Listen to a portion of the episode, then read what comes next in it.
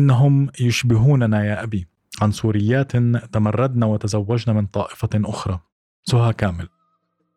ما عندنا نساء تتحجب. كانت تلك الكلمة التي كانت سوسن تنتظرها من خطيبها لتخلع الحجاب. وما ارتدته منذ ذلك اليوم. وما كانت تستطيع أن تفعله بين مجتمعها الذي يتشدد في فرضه على النساء. تقول سوسن اسم المستعار 37 عاما الحقيقة كنت أنتظر أن يقولها لأخلع الحجاب وفعلا منذ ذلك اليوم لم أرتديه.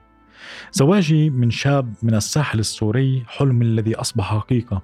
سوسن مسلمة سنية من دمشق تزوجت من شاب مسلم علوي من مدينة صافيتا في محافظة طرطوس الساحلية.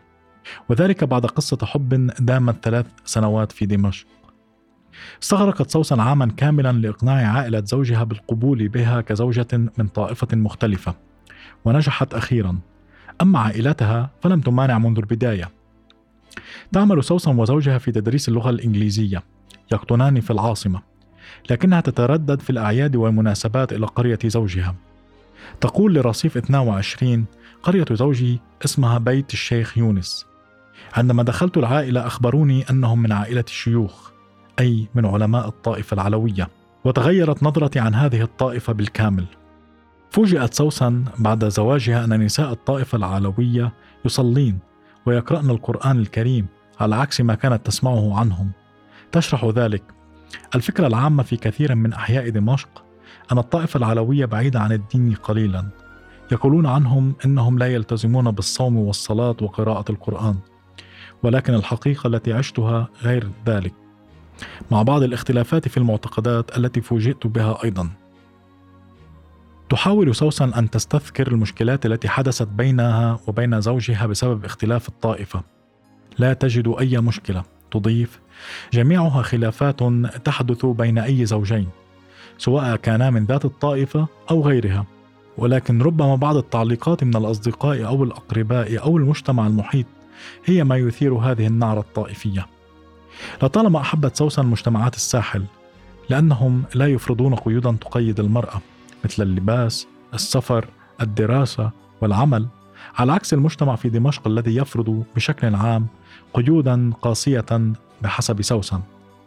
تقول سوسن: كنت في أعماقي أرغب بخلع الحجاب، وكانت أجواء المشروب تستهويني، لكن لم أجرؤ على الإفصاح عن ذلك إلا بعد زواجي. دارت بين سوسن وزوجها العديد من النقاشات الدينية خاصة أنها فوجئت بمعتقدات لم تكن تعرفها منها المقامات الدينية الخضر التي يزورها زوجها وعائلته. تقول يؤمنون أنه بمجرد دخولهم إلى هذا المقام والدعاء سواء لعودة الغائب أو شفاء مريض سيلبي الله دعاءهم ويستجيب لهم. أما التقمص الروحي هذه الفكرة لم تستطع أن تقتنع بها سوسن. ولم يحاول زوجها إقناعها. تشرح ذلك. عندما توفيت والدة زوجي جاء رجل قال إنه شاهدها في الحلم وأن روحها بعثت بجسد طفلة صغيرة ولدتها أمها في القرية في اليوم ذاته. سارع زوجي وعائلته إلى منزل الطفلة الصغيرة وبدأوا بتقبيلها. سمعتهم يقولون إنها والدتنا خلقت من جديد. كان الأمر غريبا لكن التزمت الصمت. لا علاقة لي بمعتقداته. عانت جوليا من جفاء عائلتها بعد أن ارتبطت برجل مختلف عنها في دينها. تقول لم أرى عائلتي منذ أربعة عشر عاما. تخلوا عني. قالوا للناس كان لدينا فتاة تدعى جوليا وماتت. هكذا بكل بساطة. ذنبي أنني هربت مع شاب مسلم من إدلب وتزوجته لأنني أعلم أنهم سيرفضون زواجي من رجل غير مسيحي. كنت صغيرة بعمر 18 عاما. صغر عمري لم يشفع لي لدى عائلتي ومجتمعي. حرمت منذ ذلك الوقت من رؤية أمي وأبي. باستثناء مرة واحدة رأيتهما فيها سرا دون أن يعلم أحد. هكذا تلخص جوليا. اسم المستعار. 32 عاما. قصتها لرصيف 22 تفكر جوليا كثيرا بينها ونفسها وتتذكر كلمات والدها. أحلم أن أراك عروسة في الكنيسة. وهذا ما جعلها تفكر أنه لو عاد بها الزمن لما فعلت. تقول خسرت حضن أمي ومنزل أبي الذي أغلق في وجهي منذ أربعة عشر عاما. أنجبت جوليا طفلين الكبير 13 عاما والصغير 12 عاما. لكنهما لا يعرفان جدهما وجدتهما إلا في الصور. عندما يسألانها عن سبب تقول لهم الحقيقة لأنني مسيحية. هربت مع والدكما المسلم. تشرح ذلك. أشعر أن أبي وأمي لديهما رغبة في مسامحتي لكن أعمامي وأخوالي يمنعانهما يهددانهما إن سامحاني لن يكلمهما أحد بعد ذلك. تكمل جوليا لرصيف 22 ليس سهلا على أي فتاة مسيحية أن تتزوج برجل مسلم. أعرف الكثير من الحالات ما زالت تعاني مثلي من مقاطعة الأهل ورفض المجتمع لها ولأولادها. لكن الحقيقة لا أعلم لماذا. ما زلت أمارس طقوس الدينية الكاملة. أحكي لأولادي الكثير عن الديانة المسيحية. دائما أخبرهم قصص يسوع ومريم العذراء. نزور الكنيسة سوية. نزين شجرة الميلاد. نحتفل بقدوم عام جديد. عائلة زوجي متسامحة دينيا. تستذكر جوليا سنوات زواجها الأولى. حرمت من الخروج في إدلب خوفا من أعمامي وأخوالي. الذين هددوا في البداية بقتلي وحاولوا إعادتي. روجوا أنني مجنونة وأتناول أدوية نفسية. منعوا كل المسيحيين في إدلب من إلقاء التحية علي كما حرمت من زيارة الكنيسة في إدلب. كنت أخرج فقط برفقة زوجي وإذا حدثت صدفة والتقيت بأحدهم كان يدير وجهه ولا ينظر إلي. انتقلت جوليا مع زوجها وأولادها خلال الحرب إلى اللاذقية. أما عائلتها فانتقلت إلى حلب. لا تستطيع زيارة منزل عائلتها.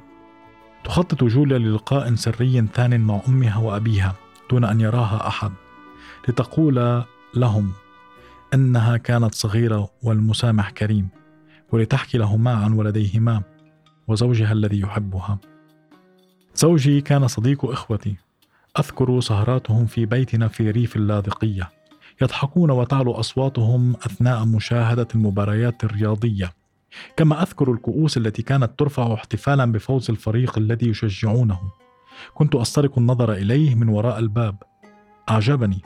كنت أعلم أنه ليس من طائفتي. تحكي روز. اسم المستعار 36 عاما. تزوجت من طلال وأنجبت طفلين دون معارضة من عائلتهما.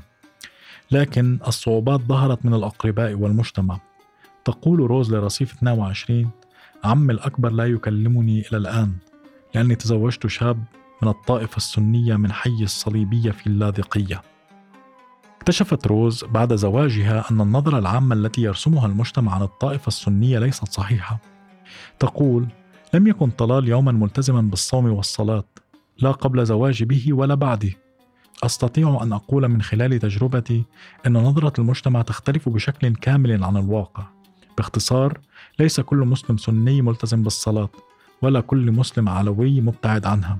طلال يؤكد حديث روز ويروي تفاصيل علاقتهما بعائلتهما وقت الحرب. لم أشعر أن زوجتي من غير الطائفة إلى أن جاءت الحرب في العام 2011 كنا عندما نزور عائلتي نراهم يشاهدون محطات فضائية وعندما نزور عائلة روز نراهم يشاهدون قنوات أخرى. كمية كبيرة من الحقد الطائفي كانت تبث على التلفاز وتتصدر حديث الناس. قلقنا على أولادنا. حتى حضرت على عائلتي مشاهدة أي شيء يخص السياسة فقط الرياضة والفن. بعد عامين على الخطوبة وعام كامل من محاولات لإقناع عائلة ريهام أن تقبل من محمد زوجا لابنتها قبلت العائلة وها هي ريهام تستعد لعرسها. تقول ريهام إنها الفتاة الأولى في العائلة التي ستتزوج بشاب من غير طائفتها. عائلتها سافرت بعد خطوبتها إلى ألمانيا. وتحكي ريهام اسم المستعار 23 عاما قصتها لرصيف 22 أنا من عائلة دينية محافظة جدا بريف حماة وملتزمة بالحجاب والصوم والصلاة وقراءة القرآن وخطيبي من ريف طرطوس. هذا ما أثار قلق أبي. قال لي أنهم سيجبرونك على خلع الحجاب وأن عاداتهم مختلفة عن عاداتنا وبالتالي سأعاني. لم يطلب محمد مني خلع الحجاب أبدا لا يتدخل في معتقداتي. أنا أيضا لا أدخل معه في نقاشات دينية. وتقبله لي دليل أنه ليس متشدد تضيف ريهام. تختم ريهام حديثها قائلة حبنا هو القاعدة التي سنبني عليها بيتنا المستقبلي. لست قلقة. بل على العكس تماما.